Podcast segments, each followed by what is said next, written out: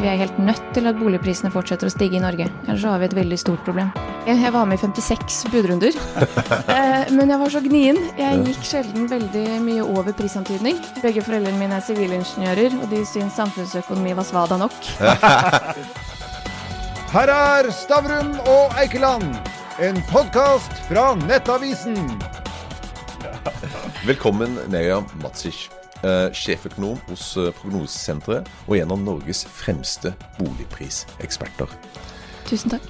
Boligprisene de faller måned for måned. Er det starten på et ragnarok i boligmarkedet vi ser nå? Nei, jeg tror ikke det. Eh, og vi på Prognosesenteret tror ikke det. Vi tror dette blir en, en nedkjøling som er udramatisk, eh, som kommer etter en periode med en helt eh, euforisk stemning i boligmarkedet som eh, først og fremst ble utløst av rentekuttene i fjor. Eh, men nå har dette koronafuttet forsvunnet fra markedet, eh, og det roer seg ned sakte, men sikkert. Vi tror ikke det blir noe krakk. Så hvis du skal inn i boligmarkedet nå, så er det ingen fare? Altså, du trenger ikke være bekymra for at egenkapitalen forsvinner på 1, 2, 3?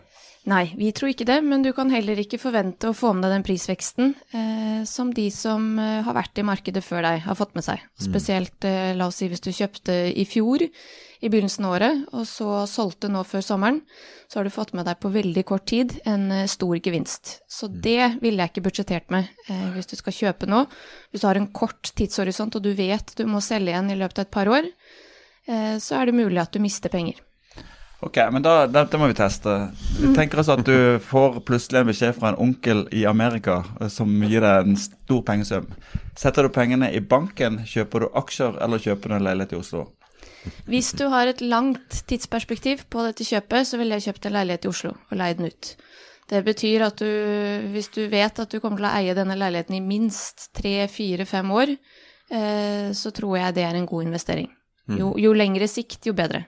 Men, men, har du noe råd på, på hvordan en uh, førstegangskjøper skal gå frem? For det er jo ikke lenge siden du uh, holdt på, uh, og det var jo ikke en lett prosess, har jeg forstått? Nei, jeg var med i Jeg tror jeg, jeg måtte gå gjennom de SMS-ene fra budrundeopplegget. Jeg var med i 56 budrunder. eh, men jeg var så gnien. Jeg gikk sjelden veldig mye over prisantydning. Jeg holdt meg rundt prisantydning, og det meste jeg gikk over, var vel 100 000 kroner. Eh, og det var ikke godt nok i de 56 budrundene, og så kom det en 57. budrunde der jeg fikk en leilighet 200 000 under. Det var et desperat par som hadde kjøpt seg en enebolig og som måtte kvitte seg med leiligheten. Og selv i et hett marked så fikk jeg enda 200 000 under. Så det, det skjer sånne ting òg. Eh, og for meg som førstegangskjøper så fikk jeg meg en 74 kvadratmeter stor leilighet. Eh, I Bjerke bydel, altså rundt Bjerkedalen park der, så ikke så sentralt, men jeg syns det var helt supert. Og det er kanskje det tipset jeg har til førstegangskjøpere, å, slutte å være så snevre i sitt søk etter sin første bolig, for det finnes et liv utenfor Ring 2.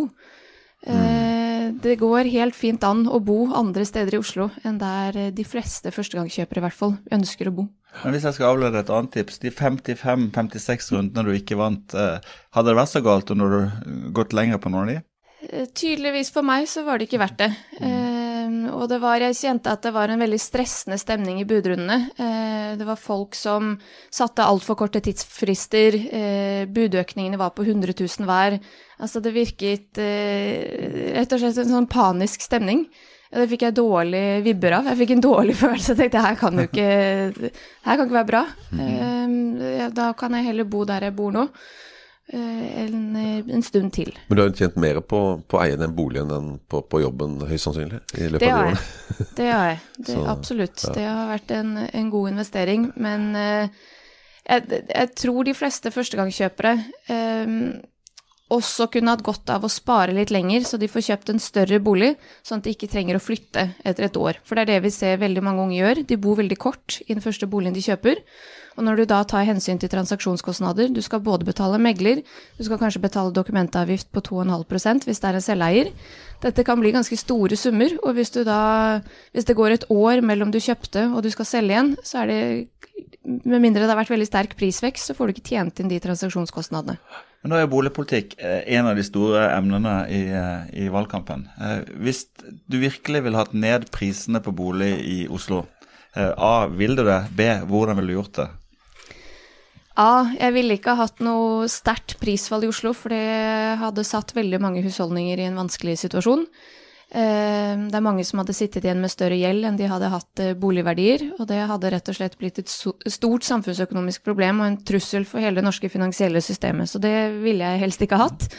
Men hvis vi kunne fått til at prisene nå stabiliserte seg eh, på det nivået de er på nå, eller falt litt, sånn at de som står utenfor boligmarkedet kan spare opp og kan rekke å få seg et år eller to med lønnsvekst, sånn at flere kommer seg inn i markedet, så tror jeg det hadde vært positivt.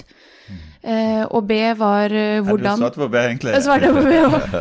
Eh, Men eh, for at du egentlig ville stabilisere det. For jeg tror du har sagt en gang at, at det som forhindrer boligprisene å gå til himmels, det er at ikke folk får låne seg til himmels. Ja. Sant? Det er jo egentlig begrensninger på lån som nå holder litt igjen. Boliglånsforskriften setter et tak på fem ganger inntekt. Eh, Du får i prinsippet ikke låne mer enn det. Det er eh, mulig for 10 av tilfellene å, å få unntak, der det gjøres eh, avvik fra denne, men resten skal da være innenfor fem ganger.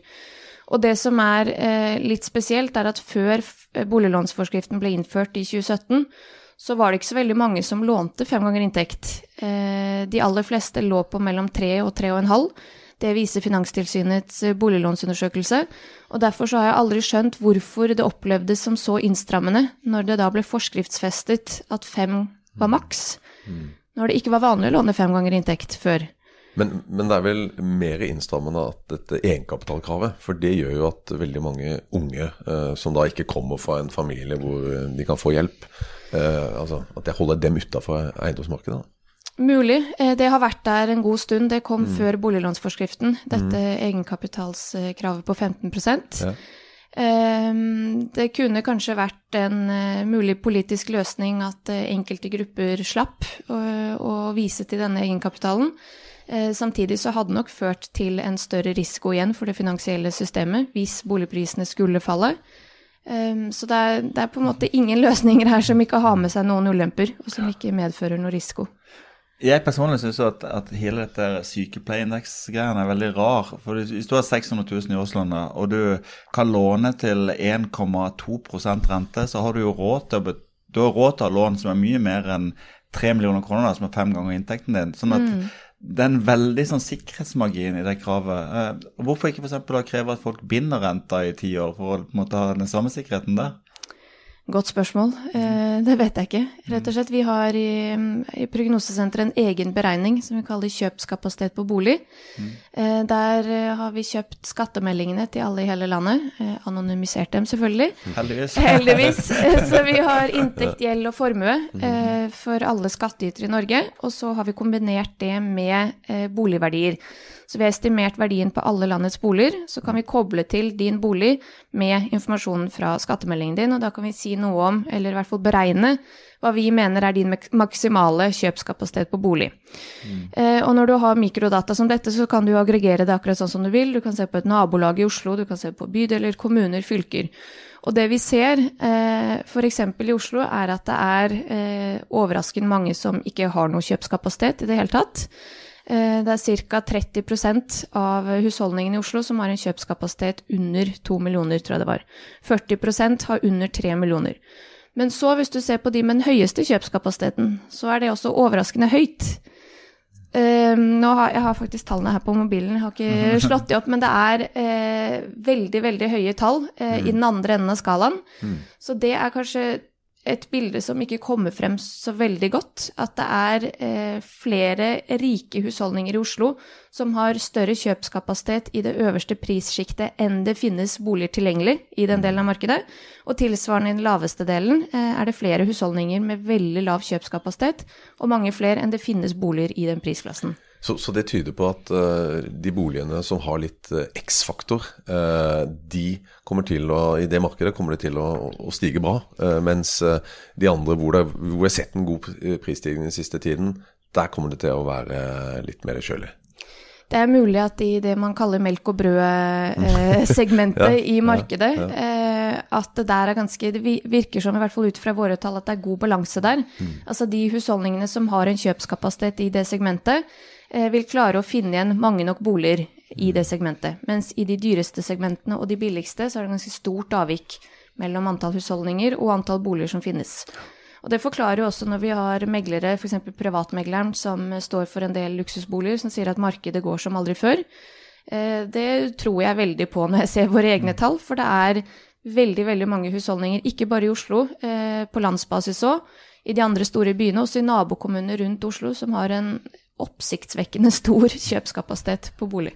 Men vi har, da, vi har da noen utrolige problemer her. For hvis det er sånn at mange ikke har råd til å komme inn i boligmarkedet, så, så hjelper det jo ikke at alle prisene faller, for da får vi et annet problem. Eh, og så eh, hjelper det jo egentlig ikke at de får låne mer, for dette, måte, det er fortsatt en ubalanse mellom hva etterspørsel og tilbud på boliger. Så hva skal vi gjøre? Det er en litt låst situasjon. Mm. Eh, jeg, jeg, tror det beste er om vi får en, som jeg, som jeg nevnte i sted, en stabil utvikling. Eh, hvis du får en boligprisvekst som er i nærheten av lønnsveksten, som er i nærheten av konsumprisindeksen, hvis du får en slags stabilitet her, eh, ikke sånn som vi hadde i desember 2016, da boligprisen hadde steget med 26% i Oslo. Eh, og så falt det gjennom 2017 med 11% igjen. Så ble det en slags stabilitet i perioden etter det igjen. Men det er disse store oppturene og nedturene som fører til at eh, de som kjøper på topp der, den gjelden den kommer de til å leve med i mange, mange år. Mm. Og da hvis det kommer en bunn, så er det ekstra uheldig. Ja. Eh, folk som hører på dette, eh, hører at du heter Neira Matsic. Hvem er du, og hvor kommer du fra? Jeg er født i Bosnia. Eh, ble født i en by som heter Mostar i 1990. Og så brøt eh, krigen ut der i 92, og da flyktet eh, familien min. Eh, og vi havnet tilfeldigvis i Norge. Eh, bodd her siden det var vel høsten 1993. Så jeg har stort sett bodd i Norge hele livet mitt. Eh, men det som er litt rart for en som da har bodd i Norge nesten hele livet sitt, er at jeg har ingen norske familiemedlemmer. Så hele min familie er bosnisk. Mm. Foreldrene mine, søsknene mine, tantene mine, onklene mine. Og det er noe jeg tror mange nordmenn syns er litt rart. Hvordan kan du liksom ha bodd i et annet land hele livet ditt, og så føler du deg kanskje ikke helt norsk? For det gjør jeg ikke. Jeg føler meg ikke helt norsk. Og da tror jeg noe av det kommer av at jeg ikke har ett eneste familiemedlem som er norskt. Hvis, det gir noe mening. Du kan jo gjøre noe med det sjøl. Ja, nå har jeg en samboer som er norsk, da, så det kommer kanskje et barn som blir halvt norsk i fremtiden. Men akkurat sånn som situasjonen er nå, så har jeg liksom ikke det er ikke noe blod som forbinder meg til Norge, og ikke at det trenger å være noe blod, men det, jeg tror det gjør noe med den følelsen av å Nei, det er vanskelig. Ja, Men, men hva, hva, har det gjort, gjort med deg? Altså, du kom da som, som liten jente. Mm. Eh, din far var igjen eh, var fengsla tilbake i Bosnia. Visste jo ikke om han ville komme etter eh, mm. heller. Og, og, så havna dere på Vestlandet, eh, på noen brakker. Og, mm. altså, det må, det må ha gjort noe med deg? Kanskje, men jeg vet jo ikke hvordan livet hadde vært eh, ellers. Så jeg har ingenting å sammenligne med. Jeg vet ikke om noe annet liv enn dette her. Men uh, uh, jeg vet ikke helt hvordan det har formet meg. Jeg, det jeg er veldig glad for, er at jeg ikke har noen minner fra krigen. For det har storebroren og storesøsteren min. De husker alt. Så der føler jeg slapp veldig billig unna. Så de, de, første minnene jeg har, er fra Sunndalsøra og fra Sunndal asylmottak. Det er ille nok, egentlig. Det kan du si, men det var ikke så ille der. Vi, vi ble så godt tatt imot av lokalbefolkningen der. De, de, var veldig, veldig snille mot oss, og vi fikk et veldig godt inntrykk.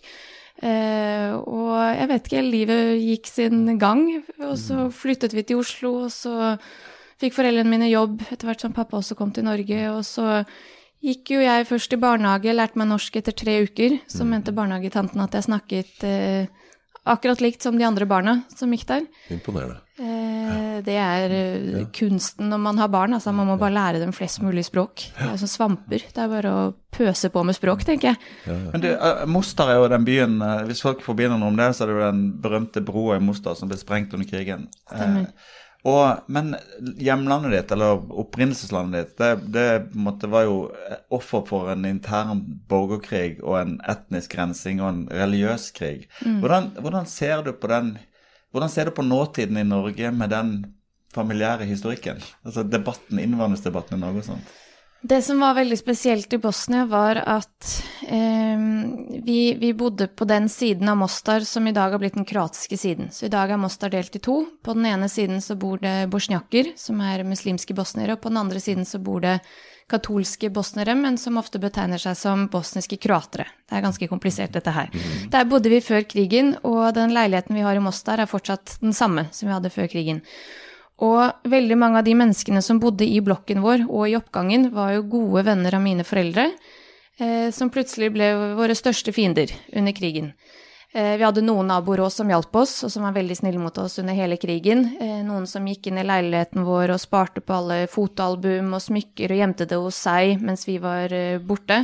Noen som hjalp, og så var det kollegaer på jobben til pappa som plutselig var eh, fengselsvoktere i konsentrasjonsleiren der han satt. Så det som var helt sinnssykt, var at de nærmeste naboene dine og de nærmeste kollegaene dine ble plutselig over natta dine største fiender. Og det tror jeg ikke det er veldig mange nordmenn som kan se for seg at kan skje. Hvis dere to som sitter ved siden av hverandre nå, i morgen skulle begynt å krige mot hverandre, for det var akkurat det som skjedde i Bosnia. Og det er så surrealistisk. Og jeg har jo fortalt mine nærmeste venner, mine norske venner har jo vokst opp med meg og denne historien, og de selv om de har kjent meg i flere tiår nå, så syns jo de også at det er helt surrealistisk, og det er absurd, og de kan ikke tenke seg at noe sånt kan skje i Norge. Kan du? Nei, jeg håper jo ikke det, men det var ingen som tenkte seg at dette kunne skje i Bosnia heller. Når jeg snakker med mine foreldre om hva, hvordan hverdagen deres var før krigen, de ante jo ingenting. Det ulmet litt i sånn tiden før, men et år før krigen brøt ut, så var vi i Kroatia på strandferie, familien min, og så blir du angrepet av det nabolandet. Altså, det var Det kom ganske brått på. Ja, ja. Men du, nå er ikke du Nå er du utypisk nesten i norsk sammenheng fordi at du er ung og har tatt en kanonutdannelse og er eh, en ledende eiendoms- eiendomsekspert. Men, men du er ikke uvanlig egentlig som bosnisk flyktning i Norge. at bosniere har jo gjort det veldig bra i Norge. Hva, hva kommer det av, tror du? Det tror jeg kommer av at systemet eh, i Jugoslavia før krigen var ganske bra. Eh, folk elsker Tito. Jeg har jo først nå, etter at vi kom hit, skjønt at han ble sett på som en diktator i resten av verden. Det visste ikke vi. Vi var stort sett bare fornøyd. Det var gratis helsevesen, var gratis utdanning, alt var gratis. Eh, vi fikk gratis bolig gjennom jobben til mamma og pappa, så man kjøpte ikke bolig selv, og den var din, det var ikke en leiebolig, du fikk en bolig av jobben. Eh, kan si mye rart om kommunisme, altså, men det, for vår del så fungerte det ganske bra. Det blir rødt på deg i år. Kanskje, vi får nå se. Men, eh, og det, grunnen til at jeg nevner det, er jo nettopp fordi utdanning var gratis, så var jo alle høyt utdannet. Og i hele min familie og, og sånn slekt òg, så er det jo ingen som ikke har en bachelorgrad, og det er veldig få som ikke har en mastergrad. Eh, og foreldrene mine sier at det ble sett veldig ned på om du ikke gikk på universitetet. Da var du virkelig ute å kjøre. Da var du liksom en loser, en nobody. Det, ve- og da forklarer du hvorfor de som tilfeldigvis havnet her, har gjort det bra, når de, de har med seg en god utdanning. Hva slags forventninger hadde du hjemme? Hvis du hadde gått, tatt kunsthistorie, hadde det vært uh, innafor? Nei, det hadde ikke. Og det er jo ikke helt greit med sånne holdninger heller. Men det hadde ikke vært greit. De, begge foreldrene mine er sivilingeniører, og de syns samfunnsøkonomi var svada nok. De, Ja, Og dine søsken her? søsteren min er samfunnsøkonom, og broren min er eh, ingeniør. Ok, så det er er akseptert, da. Så. Ja, han er vidt innafor. Men, ja. Men, men det må ha vært en overgang for dine foreldre. For sønnen min han hadde uh, en kompis fra, fra, fra Bosnia, eh, som kom Ja. fra Bosnia i, i, i klassen. Og, og der var Moren var lege, faren var ingeniør. Hun er nå overlege på Ullevål. Eh, han, eh, 27 år nå, er blitt lege. Uh, og, og når de da kom hit, og så plutselig ble plassert langt opp i Nord-Norge, var vant med caffè latte og livet i Sarajevo, der hvor de kom fra, da. Eh, det må jo ha vært en vanvittig overgang. Altså sånn eh, plutselig så Så bodde du på Sund- Sunndalsøra. Jo, men- jo, men- vi bodde jo også i sentrum av Mostar, og havnet plutselig i Ja, Sunndalsøra. ikke Der det var langt til nærmeste kaffebar på 90-tallet. Tidlig 90-tall var det ingenting der. Nå har jeg ikke vært der på en det- stund, så jeg vet ikke om det Men det må ha gitt dere en driv. Altså tenker jeg altså, altså når, du, når du kommer da og plutselig alt er borte. Altså bil, leilighet Altså jeg forstår også at eh, kontoene ble tømt. Jeg Ja, du mister ingenting. alt. Du mister absolutt alt. Ingenting. Og moren min var jo alene på flukt med seks barn. Hun hadde sine tre barn, og så hadde hun tatt med barna eh, til søsknene sine. Tre barn til. Og de søsknene hennes visste ikke hvor barna var, for de rakk å, hun rakk ikke å si fra til dem at hun skulle ta dem med til Norge, for det var ikke noe telefonforbindelse eller noen ting, så hun tok med seg tre barn som er andre sine barn. Ja. Eh, og så eh, tror jeg det gir deg en enorm driv, som du sier. Når du er på flukt med seks barn, du har ingenting, du, har ikke, du kommer til Norge, du har ikke én eneste krone i lomma. Da blir du ganske kreativ, og jeg tror du får en energi eh, helt ut av denne verden. Og de var jo ganske godt voksne eh, da de kom hit. De var rundt skal si, 44 og 45. Eh, og det er jo vanskeligere å lære språk når du er eh, såpass gammel, eh, mm. og det har de jo slitt med hele tiden. Så de snakker jo fortsatt gebrokkent og aldri lært seg norsk sånn som vi barna snakker. Eh, men det tror jeg man bare må akseptere og finne seg i. Jeg er glad for du kaller de godt voksne på 44-45. Jeg tar tilbake det. Det var litt, litt slemt. Det var fint å lære Sunndalsøre-dialekten. Men eh, hvorfor, eh, hvorfor samfunnsøkonomi, og hvorfor etter hvert eiendom? Eh, samfunnsøkonomi fordi jeg trodde vi skulle sitte og diskutere politikk og filosofere på studiet, og at vi skulle løse verdensproblemer. Men så viste det seg at det var fem år med statistikk og økonometri. Det var ekstremt teknisk. Eh, jeg tror jeg aldri har skrevet et ord på eksamen. Det var bare algebra. Mm. Så det studiet var egentlig noe helt annet enn det jeg trodde det skulle være. Men så har jeg skjønt i ettertid at det har gitt meg muligheten til å sitte og late som, late som jeg kan løse verdens problemer med, med, alle de modellene man har lært, og at man har blitt drillet i analytisk tankegang. Eh, men jeg savnet de de diskusjonene og på en måte det politiske og samfunnsdelen av samfunnsøkonomien, den følte jeg var helt borte de fem årene jeg gikk på Blindern. Det var ekstremt teknisk. Eh, men jeg, jeg begynte, og så tenkte jeg jeg må bare fullføre det her, selv om jeg ikke liker studiet. og så fullførte jeg, og så havnet jeg tilfeldigvis i prognosesenteret. Så en stillingsannonse på Finn, søkte, fikk jobben. Og så hadde jeg skrevet en masteroppgave om boligmarkedet. Eh, jeg hadde forsket på hvordan strengere energikrav gjennom byggteknisk forskrift, hvordan det påvirket boligprisene. For på den tiden så var det flere av de store boligbyggerne som var ute og sa at nå har energikravene blitt såpass strenge at eh, boligprisene kommer til å bli altfor høye for folk flest. Og det jeg fant i min masteroppgave, var at det var marginale prisøkninger som kom av de energikravene. Altså prisøkningene skyldtes helt eh, andre ting enn det.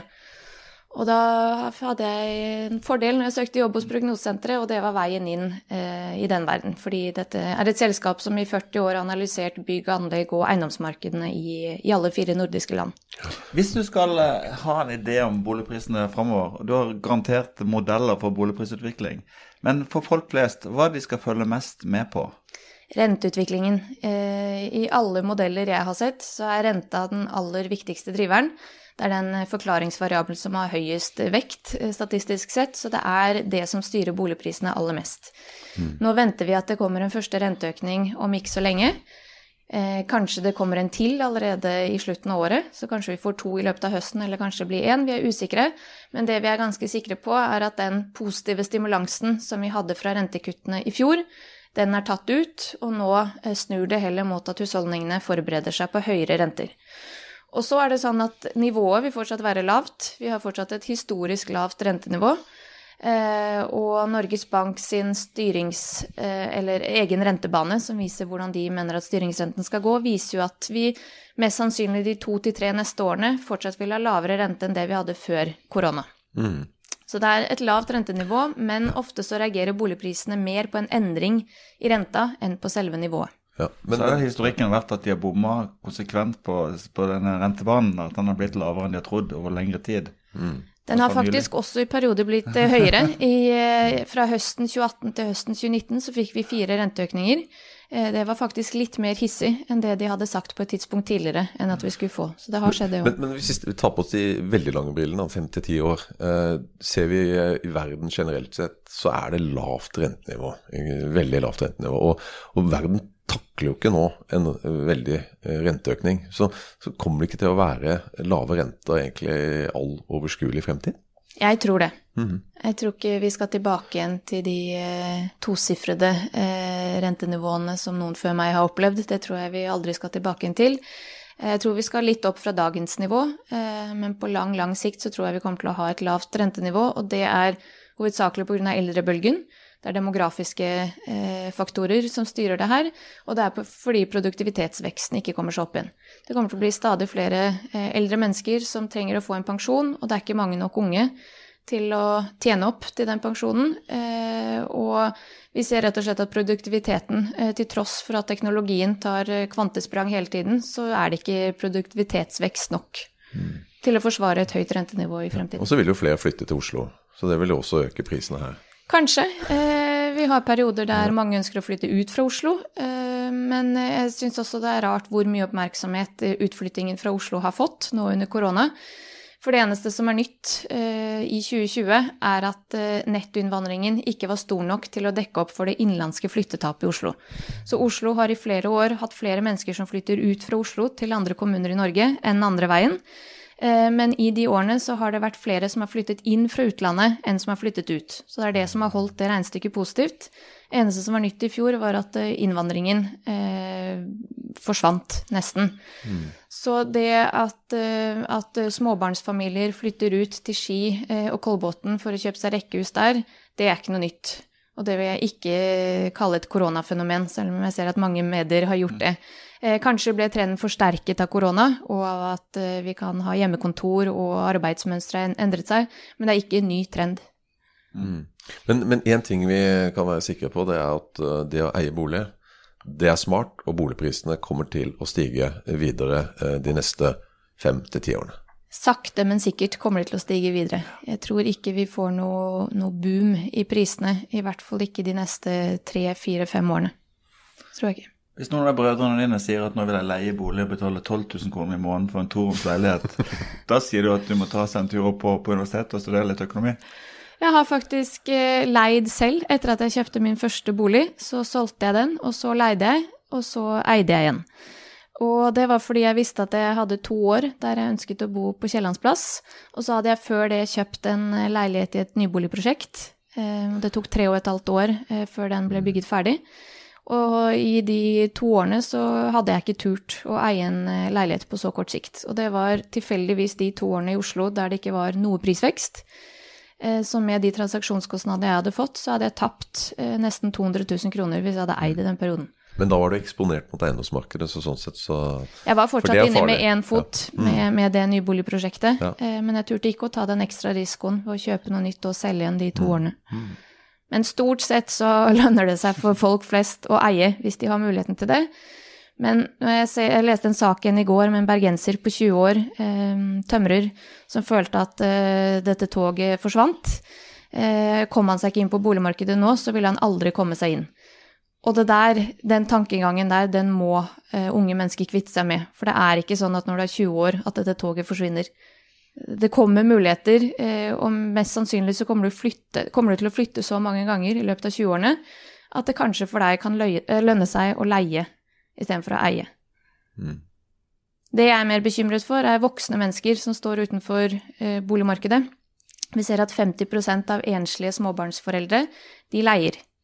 Og det er et større problem enn at unge mennesker ikke kommer seg inn, fordi unge kommer til å få en mulighet i løpet av eh, livet sitt. Men når du er en, eh, en alenemor eller alenefar på 40 eller 50 år, og du leier, da får du litt mer sympati fra meg. Særlig hvis du altså hvis du, du skal ikke, ikke studere så veldig lenge på Blindern for å skjønne at hvis du har råd til å betale 12 000 kroner i måneden i leie, så har, du, så har du en kapital, eller så har du en cashflow som gjør at du kan forrente ganske stort boliglån. Det kan du.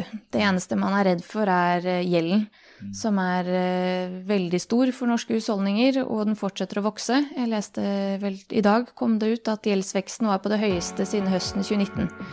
Og det er jo en fare hvis boligprisene skulle falle.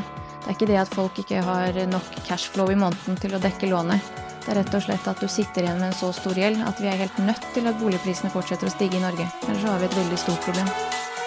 Du fikk Stavrum og Eikeland, en podkast fra Nettavisen.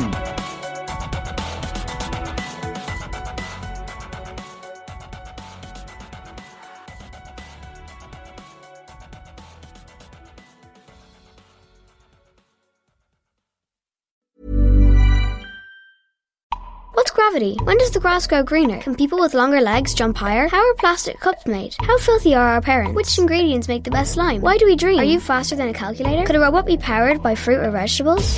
When children ask why, who knows what will happen? ESB Science Blast, delivered by the RDS, empowers students from 3rd to 6th class to discover the wonder of science by investigating simple questions, wherever their classroom is. To find out more, visit esbscienceblast.com.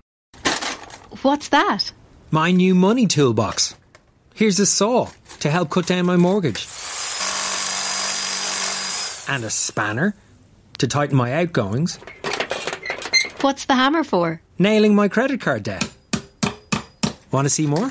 For free, independent tools and calculators to help you manage your money, visit ccpc.ie forward slash money tools. From the Competition and Consumer Protection Commission.